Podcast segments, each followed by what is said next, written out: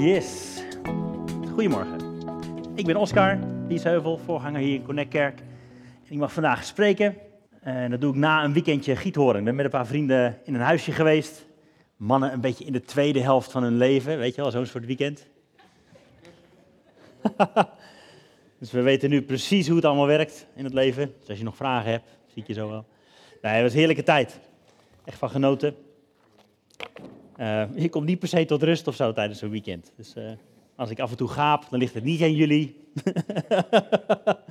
nee, ik wil beginnen met deze tekst. Een hele bekende tekst in Connect. Als je hier al een poosje komt, weet je, dit is een kerntekst voor ons. Waarvan we geloven dat God zegt over ons, dit is wie je bent. Maar u bent een uitverkoren geslacht. 1 Petrus 2. U bent een koninkrijk van priesters. Een heilige natie, een volk dat God zich verworven heeft. Om de grote daden te verkondigen van Hem, die u uit de duisternis heeft geroepen naar zijn wonderbaarlijk licht. Nou, afgelopen vijf weken hebben we al gekeken naar de, een krachtig koninkrijk waar we deel van uitmaken. En dat we passievolle priesters zijn. En dat we een betrokken volk zijn. Die vijf dingen hebben we bekeken hieruit. Vandaag beginnen we de serie die heeft te maken met het laatste stukje. We zijn uit de duisternis geroepen naar zijn wonderbaarlijk licht. Deze serie hebben we genoemd Nieuw Leven. Uit de duisternis in het licht. Nou, eind deze maand hebben we een doopdienst.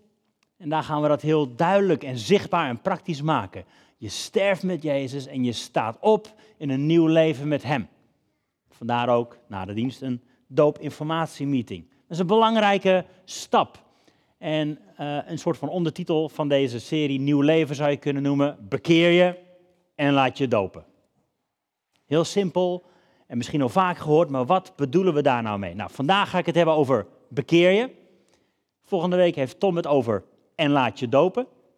Die week daarna is hier een tienerdienst, waar iedereen gewoon welkom is. We hebben gastspreker, Godwin Arin, is al eerder geweest, supergoeie kerel. En die week daarna is er dus een doopdienst. Dat is hoe deze maand eruit ziet. Nou, vorige week, ik weet niet of je erbij was, toen sloot ik af met dat kaartje waarop je twee woorden kon schrijven. Een leven zonder en een leven met Jezus. Hoe zag dat er voor jou uit? Twee woorden. Als je het zou moeten samenvatten, jouw leven zonder Jezus en jouw leven met Jezus.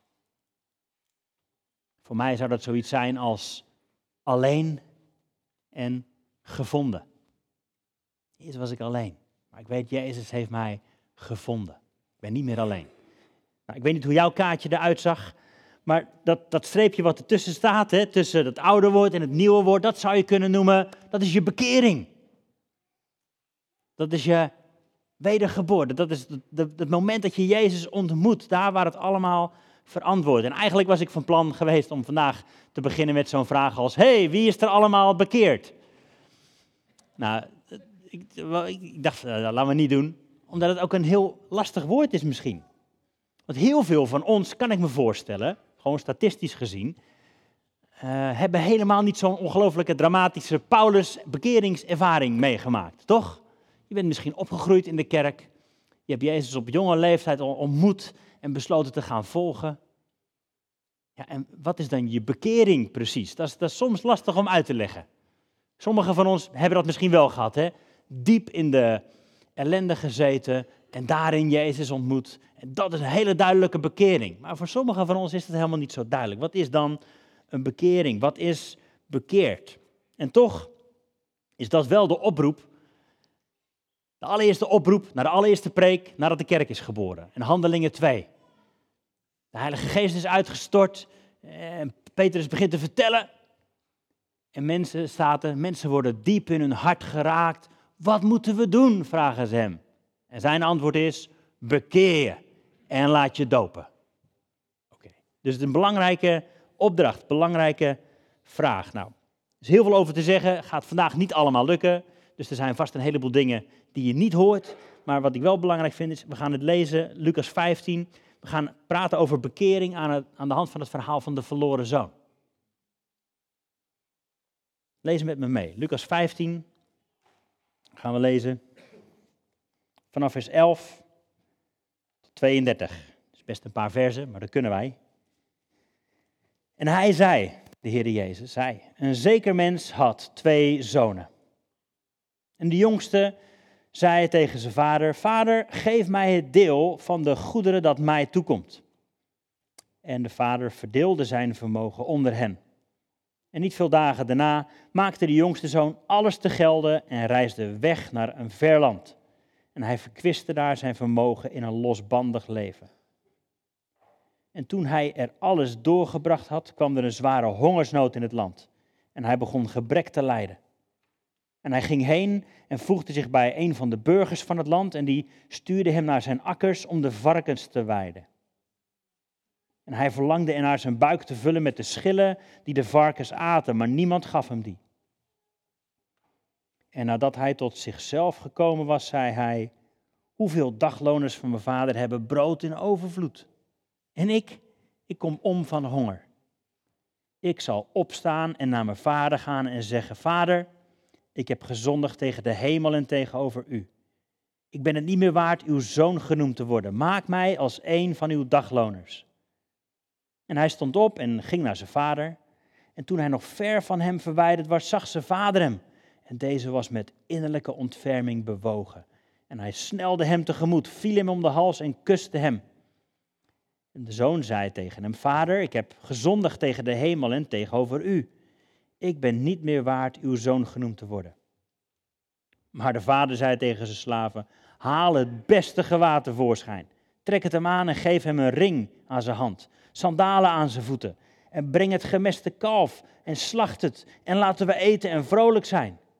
Want deze, mijn zoon, was dood en is weer levend geworden. En hij was verloren en is gevonden. En ze begonnen vrolijk te zijn. Zijn oudste zoon nu was op de akker. Toen hij dichter bij huis kwam, hoorde hij muziek en rijdans. En nadat hij een van de knechten bij zich geroepen had, vroeg hij wat er aan de hand was. En deze zei tegen hem: Uw broer is gekomen. En uw vader heeft het gemeste kalf geslacht, omdat hij hem weer gezond teruggekregen heeft. Maar de oudste zoon werd boos en wilde niet naar binnen gaan. Toen ging zijn vader naar buiten en spoorde hem aan. Maar hij antwoordde en zei tegen zijn vader: Zie, ik dien u al zoveel jaren en heb nooit uw gebod overtreden. En u hebt mij nooit een bokje gegeven om met mijn vrienden vrolijk te zijn. Maar nu deze zoon van u gekomen is, die uw bezit met hoeren opgemaakt heeft, hebt u voor hem het gemeste kalf geslacht? En de vader zei tegen hem: Kind, jij bent altijd bij mij en al het mijne is van jou. Wij zouden dan vrolijk en blij moeten zijn, want deze broer van jou was dood en is weer levend geworden. En hij was verloren en is gevonden. Kort bidden alsjeblieft. Dank u Vader dat we stil mogen staan, Bijbel mogen openen, mogen lezen, mogen nadenken over uw liefde, over uw goedheid, over uw plan voor ons leven, over wie wij zijn in uw ogen. Ik bid dat u ons helpt vandaag om te zien wat u ons wilt laten zien. Open ons hart, open onze oren. Wilt u woorden van leven spreken. In Jezus' naam. Amen. Yes, eerst eventjes de context van dit verhaal. In vers 1 en 2 lees je dat Jezus staat in een menigte van tollenaars en zondaars. En dat daar de fariseeën en de wetgeleerden bij kwamen staan. Een hele gemixte groep dus. De zondaars en de tollenaars, de mensen die het allemaal fout hadden gedaan.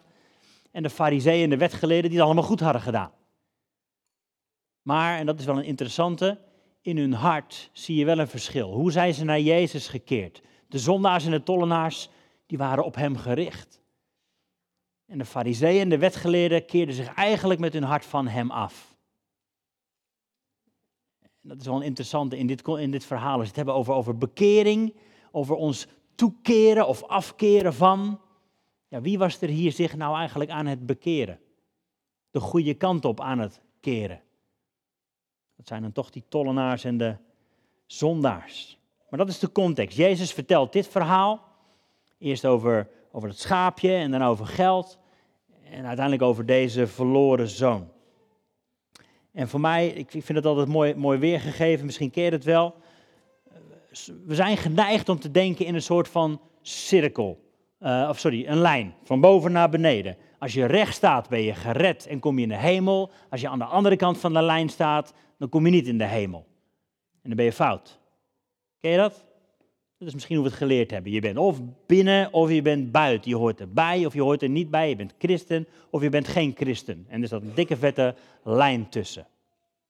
Dat is één manier van kijken. Maar wat mij altijd helpt is, zie het als een enorme cirkel met Jezus in het midden. En waar ook op die cirkel dat je staat, wat je beginpunt ook is, loop je naar het midden toe of loop je van het midden af? En of je nou christen bent of niet, die vraag is wel belangrijk. Waar beweeg je je naartoe? Ben je richting Jezus aan het bewegen? Of ben je van hem af aan het bewegen? Misschien helpt het je om, om anders te gaan denken naar wat is bekering, wat is gered zijn? Ben je gericht op het centrum?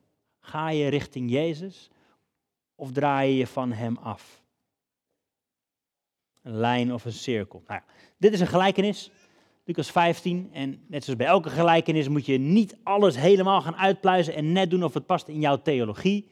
Ik denk dat dat niet verstandig is. Natuurlijk is het een schitterend verhaal waaruit we ons, waarin we onszelf kunnen vinden, hoop ik. En dat is ook de uitnodiging met deze gelijkenis. Waar in dit verhaal ben jij? En wat meteen opvalt natuurlijk, dit, het gaat om een zoon. Hij heeft er niks aan gedaan om dat te verdienen. Het is een zoon van de vader. Ook toen hij slechte dingen ging kiezen, het bleef een zoon van de vader. En dan maakt hij een keuze. Hij gaat eigenlijk naar zijn vader toe en hij zegt van joh, over een poosje, als jij dood bent, krijg ik een erfenis. Maar ja, er is een probleem, jij bent nog niet dood. Eigenlijk zegt hij dat toch? Eigenlijk zegt hij dat. Eigenlijk zet hij een dikke streep door die relatie. Ik zie dat geld, alleen jij staat hier tussen en dat kan niet. Jij moet aan de kant. Die relatie moet doorgesneden worden. Ik wil liever die erfenis, ik wil liever dat geld dan mijn relatie met jou. Gek hè? En die vader, die, die doet dat dan ook. Die staat dat toe. En dat is ook, denk ik, zo in onze relatie met God. Als we beleiden en weten dat God ons lief heeft, dan weten we, liefde veronderstelt keuze en vrijheid. En je kunt ja zeggen tegen die liefde of je kunt nee zeggen tegen die liefde. Maar er is vrijheid, er is keuze. Misschien zou het leven er een heel stuk makkelijker uitzien als we geen keuze hadden gehad van God. Die gewoon had gezegd, ik hou van jou en jij moet daar wat mee. Jij moet dat ontvangen. In ons hoofd was het misschien dan veel makkelijker geweest. Maar dat is niet hoe het werkt. Er is een keuze, er is vrijheid. Liefde veronderstelt keuze. Keuze om te leven in je bestemming, zoals het bedoeld is, of niet.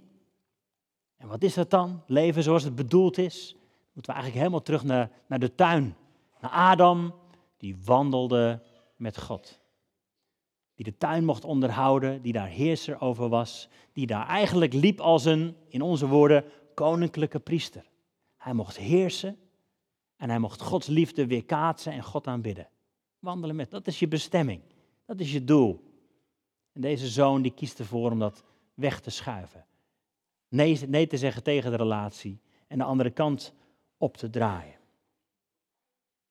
Maar, en nou ga ik er wel een klein beetje inlezen, Natuurlijk noemen we dat zonde. De zoon die de andere kant op draait, hij maakt een slechte keuze, hij heeft een zonde begaan. Als we nou eens even om ons heen kijken in de wereld. En je zou dit verhaal tegenkomen. Misschien, hè? Dan moet je even met me meedenken. Misschien is de, de moeder van deze jongen gestorven toen hij heel jong was. En is het eigenlijk een hele verwonde jongen. Met pijn, met verdriet. En, kon de vader hem niet goed helpen. En dan heeft hij altijd het gevoel gehad dat zijn oudste broer werd voorgetrokken, want die deed het allemaal zo goed. En hij kon het helemaal niet zo goed. En misschien kon die op een of andere manier gewoon niet meer thuis zijn. Hij trok dat niet meer. Hij, hij zag zichzelf als nooit genoeg. En hij moest zich wel losscheuren. Is het dan zonde of is die jongen eigenlijk gewoon ziek? en heeft hij pijn. Nou kunnen we dat niet zomaar op dit verhaal leggen, maar ik denk dat als ik dit zo noem, dan herken je vast wel mensen in je omgeving. Misschien ben je het zelf wel, dat je denkt, ja, ik kan wel zeggen dat het zonde is die je gedaan hebt, maar ik weet, jongen, het komt voort uit pijn, uit verdriet, uit verlatenheid, uit iets wat andere mensen jou hebben aangedaan. En natuurlijk maak je dan stomme keuzes. Ik hoop dat je ook op die manier met genade enigszins kunt kijken naar wat die zoon doet. Of wat andere mensen in jouw omgeving doen. Of misschien wat je zelf hebt gedaan. Ik geloof dat de vader daar dwars doorheen kijkt en weet wat nou eigenlijk het issue is. Natuurlijk mogen we zonde best zonde noemen. Maar als we kijken naar de wortel, waar komt het nou eigenlijk vandaan? Eigenlijk zijn we allemaal ziek. Dat is iets, denk ik, wat we kunnen leren van de Oosters-orthodoxe broers en zussen. Die dat eigenlijk altijd op die manier zien. Wij als mensen zijn ziek omdat we niet met God leven. En natuurlijk gaan we dan gekke keuzes maken. Maar God is geneesheer. Meer een dokter dan een rechter. Dat is iets wat we kunnen leren. Anyway, hij maakte slechte keuzes. En we lezen dan verder dat hij gaat reizen met zijn hele zak geld. De erfenis neemt hij mee naar een ver land. Naar een ver land en hij gaat daar verbrassen. Hij gaat daar het geld uitgeven. En uh, in mijn bijbeltje vroeger, zo'n kinderbijbel, staat dan dat hij geld uitgaf aan drank en aan vrouwen en weet ik het allemaal, noem het maar op. Nou kunnen we dat ook niet helemaal invullen natuurlijk.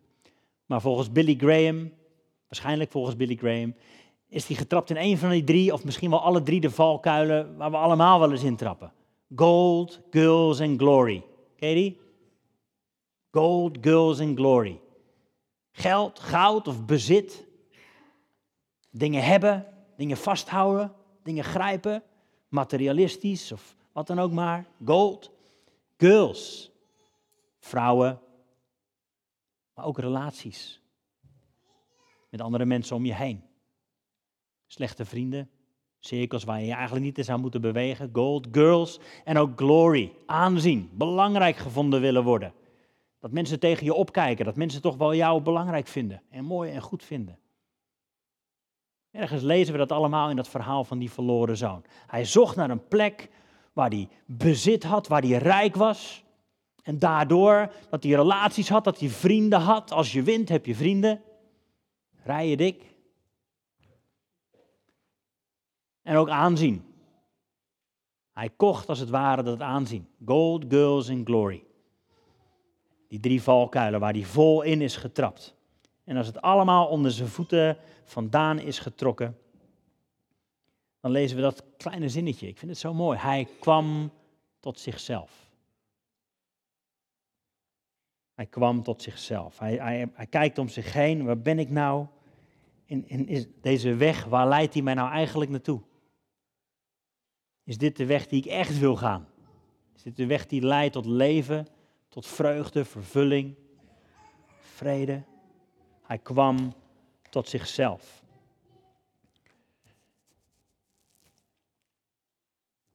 Een van de dingen die je heel vaak hoort hè, van mensen in deze tijd is, uh, ja, spijt hebben, dat is zonde van je tijd. Moet je niet doen.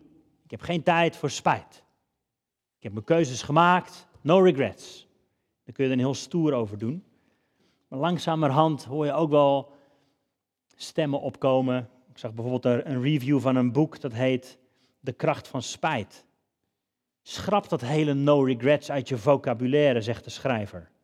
Spijt is als het ondergeschoven kindje van onze emoties. We doen er alles aan om spijt te voorkomen. En als we het toch hebben, dan praten we er niet over. Maar alleen als we onze, dan staat hier een naar woord, maar onze fouten onder ogen zien, dan kunnen we ze gebruiken om daarna wijzere beslissingen te nemen. No regrets is een slecht advies. Wie leeft zonder spijt, leeft zonder reflectie. Er zijn tal van wetenschappelijke inzichten om deze misverstanden over spijt te weerleggen. Inzien dat je dingen niet goed hebt gedaan. Dat is spijt. En daar voel je dan wat bij. Het is een emotie. Ken je dat? Ik denk dat het goed is om regelmatig te voelen, spijt te ervaren. dat is een van de keuzes die we moeten maken, denk ik, als christen, als volgeling van Jezus. om dat gewoon te kunnen erkennen. Jezus zelf leert dat ons. Als hij ons leert bidden, onze Vader in de hemelen zijt, uw naam worden geheiligd, uw koninkrijk komen, uw wil geschieden zoals in de hemel, zo ook op aarde. Geef ons heel ons dagelijks brood. En dan dat stukje, vergeef ons onze schulden.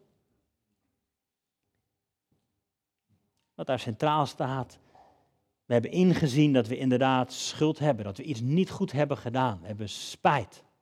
Sorry God, vergeef het ons. Jezus leert ons dat. Er zijn zeven boetepsalmen, wist je dat? Waarin dat centraal staat. Waarin het sorry zeggen, het berouw hebben, het spijt hebben, het verscheurd zijn over de keuzes die je hebt gemaakt, die staan daarin centraal. Bijvoorbeeld deze, Psalm 32. Hele mooie. Er staat dit: Welzalig is hij van wie de overtreding vergeven en van wie de zonde bedekt is. Welzalig de mens wie de Heer de ongerechtigheid niet toerekent en in wiens geest geen bedrog is. En dan deze die de psalmist schrijft. Hele mooie. Toen ik zweeg, teerde mijn beenderen weg onder mijn jammerklachten de hele dag. Dag en nacht drukte uw hand zwaar op mij. Mijn levensvocht veranderde in een zomerse droogte. Is wat, hè? Toen ik zweeg, teerde mijn beenderen weg. Mijn levensvocht veranderde in een zomerse droogte. Maar dan dit: Mijn zonde maakte ik u bekend. En mijn ongerechtigheid bedekte ik niet. Ik zei: Ik zal mijn overtredingen beleiden voor de Heer. En u vergaf mijn ongerechtigheid. Mijn zonde. Daarom zal iedere heilige tot u bidden ten tijde dat u zich laat vinden. Voorzeker, een overstroming van machtige water zal hem niet bereiken, want u bent mijn schuilplaats. U beschermt mij voor benauwdheid. U omringt mij met vrolijke gezangen van bevrijding. Mooi hè, wat je kunt leren van zo'n psalm. Beleid je zonde. Als je dat niet doet, dan teren de beenderen in je weg, je verschrompelt. Als je geen spijt kunt hebben. Als je niet kunt zeggen, dit heb ik echt niet goed gedaan. Dit was niet goed. God zegt, ik vergeef je ongerechtigheid. Als je beleidt. Nou, ik, noemde net, ik was op dat weekend weg met een paar vrienden en een van die gasten die vertelde een verhaal over jaren geleden, waarin hem onrecht was aangedaan. In een intieme relatie met mensen hadden ze echt hele nare dingen over hem gezegd. En toen kreeg hij het advies van iemand die zei: Joh, misschien is het wijs als jij jouw fouten gaat erkennen en beleiden. Ja, maar zij hebben dit en zij hebben dat en ik ben hier onschuldig. En een wijze oudere man die had gezegd: Joh, doe nou, beleid nou in elk geval jouw aandeeltje. Ook al lijkt het in jouw ogen maar klein, beleid wat jij niet goed hebt gedaan. Misschien in je houding of in je woorden. En dat is hij gaan doen met knikkende knieën, is hij zijn, zijn dingen gaan aanstippen bij deze mensen en gezegd van joh, ik heb dit en dat niet goed gedaan, sorry. En de reactie was schitterend, waarin ze zeiden, joh, maar als je dit zo zegt, dan hebben wij nog veel meer fouten gemaakt. Wil je ons vergeven? En daar kwam herstel in relatie. Maar dat begon met het erkennen van, joh, sorry, ik heb iets niet goed gedaan. Er kwam herstel. Er was spijt, er was sorry zeggen. En toch gaat bekeren, waar vandaag over gaat, nog een stuk verder dan sorry zeggen. Er zijn dingen in mijn leven waar ik denk ik al meer dan 25 jaar sorry voor zeg tegen Heidi. en dat zijn dan telkens wel weer dezelfde dingen. Dus sorry zeggen betekent niet dat het ook verandert. Toch, Heid? ja. Het is zo. Het is niet zo makkelijk veranderen. In de Joodse traditie kennen ze de tien dagen van Teshuvah. Heb je wel eens van gehoord? De tien dagen van bekeren. De tien dagen van Teshuvah. Dat begint op Rosh, Rosh Hashanah. Dat is het nieuwe jaar. Een nieuw begin. Maar het is meteen ook de eerste dag van tien dagen Teshuvah. En dat betekent bekeren, berouw. Tien dagen van reflectie. Dus nieuw jaar begonnen. En dan beginnen tien dagen van reflectie. Wat heb ik eigenlijk gedaan afgelopen jaar? Welke kant ben ik op aan het bewegen met mijn leven? Leef ik in lijn met Gods liefde, Gods belofte, Gods geboden? Of ben ik de verkeerde kant op bewogen? Heb ik mijn doel gemist? Leef ik in zonde? Leef ik in afstand tussen God en mij? En waar moet ik keuzes maken? Waar moet ik het anders gaan doen? Tien dagen van Teshuvah, bekering. Dat duurt tien dagen en het sluit af met Yom Kippur, de grote verzoendag. Waarin ze hun zonde beleiden en God hen vergeeft. Mooi, je hoeft dus niet binnen tien minuten. Gewoon met tien, tien dagen. Nou, een beetje in het verlengde hiervan in januari willen we ook beginnen met, met een tijd. Ik weet niet hoe lang dat zal zijn, misschien een week, misschien wel tien dagen of langer. Een tijd van bidden en vasten. Om, om ons allemaal aan te moedigen. Een tijd van verootmoediging, een tijd van God de eerste plaats weer geven. Zeggen, ik wil leven in lijn met uw liefde, met uw geboden. Dus dat gaan we in januari doen. Heel waardevol. In Jeremia 15 lezen we dit. Daarom, zo zegt de Heer, als u terugkeert, laat ik u terugkeren. In het Engels staat het eigenlijk iets mooier. Er staat, if you repent, I will restore you. Mooi hè? Als jij je zonde beleidt, dan zal ik je herstellen. En je zult voor mijn aangezicht staan. En als u wat kostbaar is, afscheidt van wat waardeloos is, heeft dus echt wat te maken met keuzes maken, dan zult u als mijn mond zijn. Laten zij terugkeren naar u, maar u mag niet terugkeren naar hen. Er is ook heel veel over te zeggen, dat gaan we nu niet doen. Maar hele mooie. Jong. Even snel. Dat is het Oude Testament. Jacobus 5 zegt het ook zo mooi. Hè? Beleid elkaar uw zonde of de overtredingen en bid voor elkaar opdat u gezond wordt. Een krachtig gebed van een rechtvaardige brengt veel tot stand. Beleid elkaar je zonde. Dat is ook krachtig. Het is één ding om aan God je zonde te beleiden, maar beleid elkaar je zonde. Ik las net, hij kwam tot zichzelf. En voor, mij, ik was er een beetje over aan het nadenken, er, zit wel, er is volgens mij een verschil tussen zo'n eenmalige bekering, zeg maar, waarin je zegt, Vader, vergeef mij, ik wil uw kind zijn. Dat is belangrijk. Lezen we in Romeinen 10 bijvoorbeeld. Als u met uw mond de Heer Jezus beleidt en met uw hart gelooft dat God hem uit de doden heeft opgewekt, zult u zalig worden, zult u gered worden, staat er. Want met het hart gelooft men tot gerechtigheid. Met de mond beleidt men tot zaligheid. Dus er is zoiets als uitspreken. Ik geloof in Jezus. Hij is mijn redder en ik wil bij hem horen. Dat is belangrijk. Beleid je zonde, vraag vergeving en geef je leven aan Jezus. Als je het nog niet gedaan hebt, is er straks tijd voor. Super belangrijk.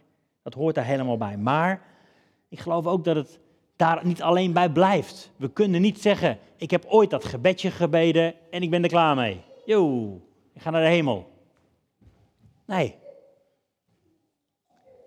In de theologie kennen we drie stappen als het gaat om redding, of drie fasen. We zijn gered door wat Jezus heeft gedaan aan het kruis. We zijn gered, punt.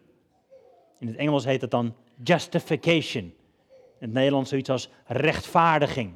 We zijn gerechtvaardigd door wat Jezus gedaan heeft aan het kruis. En we hebben dat offer aanvaard. Romeinen 10, wat ik net las. Hij is mijn Heer. We zijn gered, punt. Maar ook, we zijn bezig, en in het Nederlands is het een beetje ongelukkig vertaald, we zijn bezig om gered te worden. In het Engels staat er dan, we are being saved. Het is een doorgaand gebeuren. Bezig om gered te worden. Sanctification in het Engels, of heiliging. God is ons aan het heiligen.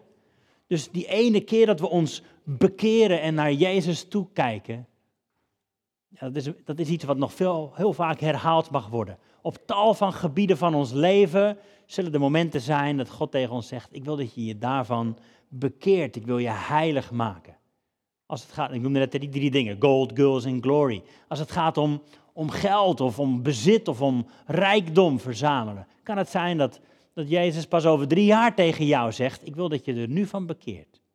Misschien ben je er vandaag nog niet klaar voor, dat, dat is oké.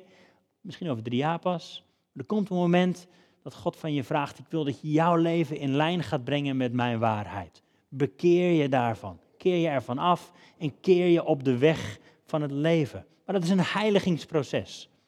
Dat gaat maar door. Zijn er nooit klaar mee hier op aarde. Maar uiteindelijk, glorification. Verheerlijking. Uiteindelijk zullen we gered worden. We zijn gered. We zijn bezig om gered te worden. En uiteindelijk in zijn heerlijkheid zullen we gered zijn, verheerlijkt zijn. Het is dus een proces. Ik hoorde dit voorbeeld wel eens en dit vond ik eigenlijk wel een mooi voorbeeld. Stel, een ongelofelijke racist. Laten we het in Amerika doen. Goed, daar zijn de racisten, niet hier. In Amerika, Zuid-Amerika, daar zo. Een ongelofelijke racist. Iemand die echt een hekel heeft aan donkere mensen. Die komt tot geloof. Op de dag dat hij sterft. Hij, er zit iemand naast zijn bed en die zegt, joh, het wordt nu echt tijd dat je Jezus aanneemt als verlosser. Oké, hij doet dat, hij bidt, Heer Jezus, wilt u mijn leven aannemen? En uh, tien minuten later sterft hij, komt hij in de hemel en de hemel, kan ik je vertellen, zit vol met zwarte mensen. Vindt hij het leuk in de hemel, denk je? Is alles in één keer veranderd? Wel leuk om eens over na te denken. Hoe gaan wij het vinden als we daar zijn? Nou, ik denk dat jouw en mijn leven hier op aarde is voorbereid om op zo'n manier te gaan denken, zo'n manier te gaan leven, dat we passen in het leven van de hemel. Dat we nu gered worden van onze verkeerde denkprocessen, dat we ons mogen afkeren van de weg van de dood op de weg van het leven, op alle vlakken van ons leven. Dus daarom begon ik ook niet met die vraag wie is er allemaal bekeerd. Omdat we allemaal, denk ik, opnieuw en opnieuw en opnieuw keuzes mogen en moeten maken. Dat God ons uitnodigt en zegt, joh, stap van die weg af van de dood. Maar keer je om en kom op de weg van het leven. Als het gaat om, om geld of bezit, of om vrouwen, mannen of relaties, of om aanzien van mensen, wat voor vlak van je leven dan ook is het tijd dat je je bekeert. Keer toe naar het licht. Keer toe naar de open hemel. En hoe gebeurt dat? In het geval van deze jongste zoon werd hij zelf keihard met zijn neus op de feiten gedrukt. Hij liep keihard tegen een muur aan. En zo wil ik niet verder. Ik moet iets veranderen. En hij moest wel omkeren. Soms ik weet niet hoe, dat in jouw leven gaat, maar soms kan het ook zo zijn dat je zelf door andere mensen gewezen wordt op, joh, wat je daar nu doet, dat kan echt niet, hè? Wat je daar zegt. Of je doet mij pijn als je dit of dat. Dat zorgt ervoor dat we ons afkeren en moeten bekeren tot de weg van het leven. Of we lezen de Bijbel en we worden overtuigd door de Heilige Geest. Ik noemde net het voorbeeld van die vriend over het vergeven van mensen die ons iets aangedaan hebben. We worden overtuigd in ons hart, hey, ik wil niet vasthouden aan wrok en bitterheid, ik wil me bekeren en ik wil vergeven. Dus ik hoop dat je het ook zo kunt gaan zien. Natuurlijk is het belangrijk dat je je bekeert en laat dopen. Dat je je leven aan Jezus geeft, ondergaat in het watergraf en opstaat in nieuw leven. Super belangrijk. Maar dat is het begin van leven vol bekering. Vol bekering. Het is een proces. En uiteindelijk lezen we verderop in dat verhaal natuurlijk, zien we de twee verschillende keuzes van de twee broers. Maken we de keuze om naar binnen te gaan of blijven we buiten staan? Houden we vast aan onze eigen gerechtigheid? En uiteindelijk, dan neem ik even een korte afslag, moet ik denken aan het boekje van Henry Nouwen, worden we uitgenodigd om te worden als de Vader. Misschien hebben de meesten van ons zich wel herkend in die jongste zoon. Misschien herken je ook wel een beetje in die oudste zoon. Je wordt uitgenodigd om te worden als de Vader. Om mensen mee te nemen naar huis. Wil je gaan staan alsjeblieft? Ga ik dit stukje afsluiten. Gaan we zo nog een lied zingen.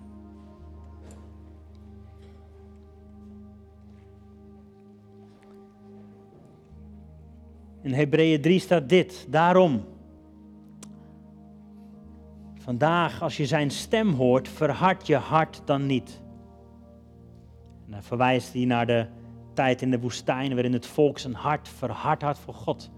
En uiteindelijk dat land niet binnenging. Maar verhard je hart niet. Als de Heilige Geest vandaag iets tegen je zegt, dan wil ik hem voor uitnodigen zo om te spreken in ons hart. Als hij iets tegen je zegt, hé, hey, ik wil dat je dit gaat loslaten. Ik wil dat je je daarvan bekeert.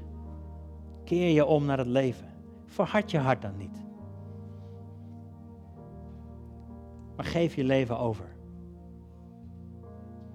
Geef dat stukje van je leven ook over in de handen van je liefdevolle Vader. Heilige Geest willen we u uitnodigen. Ook als we dit andere lied gaan zingen straks. Wilt u spreken tot ons hart? Is het tijd dat we ons ergens van afkeren? Is het nu de tijd dat we inderdaad ons leven misschien wel voor het eerst aan u mogen geven? En zeggen, die God van liefde willen kennen en dienen? Zijn er andere vlakken op ons leven die we in het licht mogen brengen? Wilt u spreken tot ons hart, Jezus?